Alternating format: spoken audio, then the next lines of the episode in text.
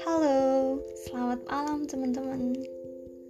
Hmm, gimana nih kabar kalian? Pasti baik kan?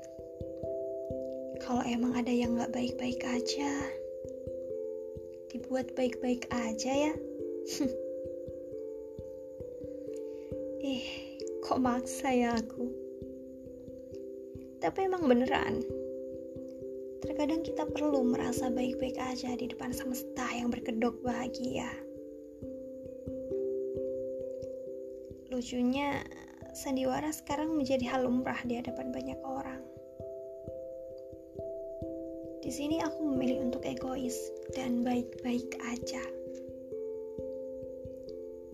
Karena keadaan cukup menjadi diam yang tak pernah terungkapkan. BTW ini podcast pertama aku. Oh iya, kita belum kenalan ya. Kenalin, nama aku Kina. Tapi kalian bisa manggil aku titik pena. Hmm, udah deh kenalannya. Apa masih mau lagi? aku tambahin deh sekarang aku lagi kuliah di salah satu universitas di Surabaya. Coba tebak di mana? Ada deh pokoknya.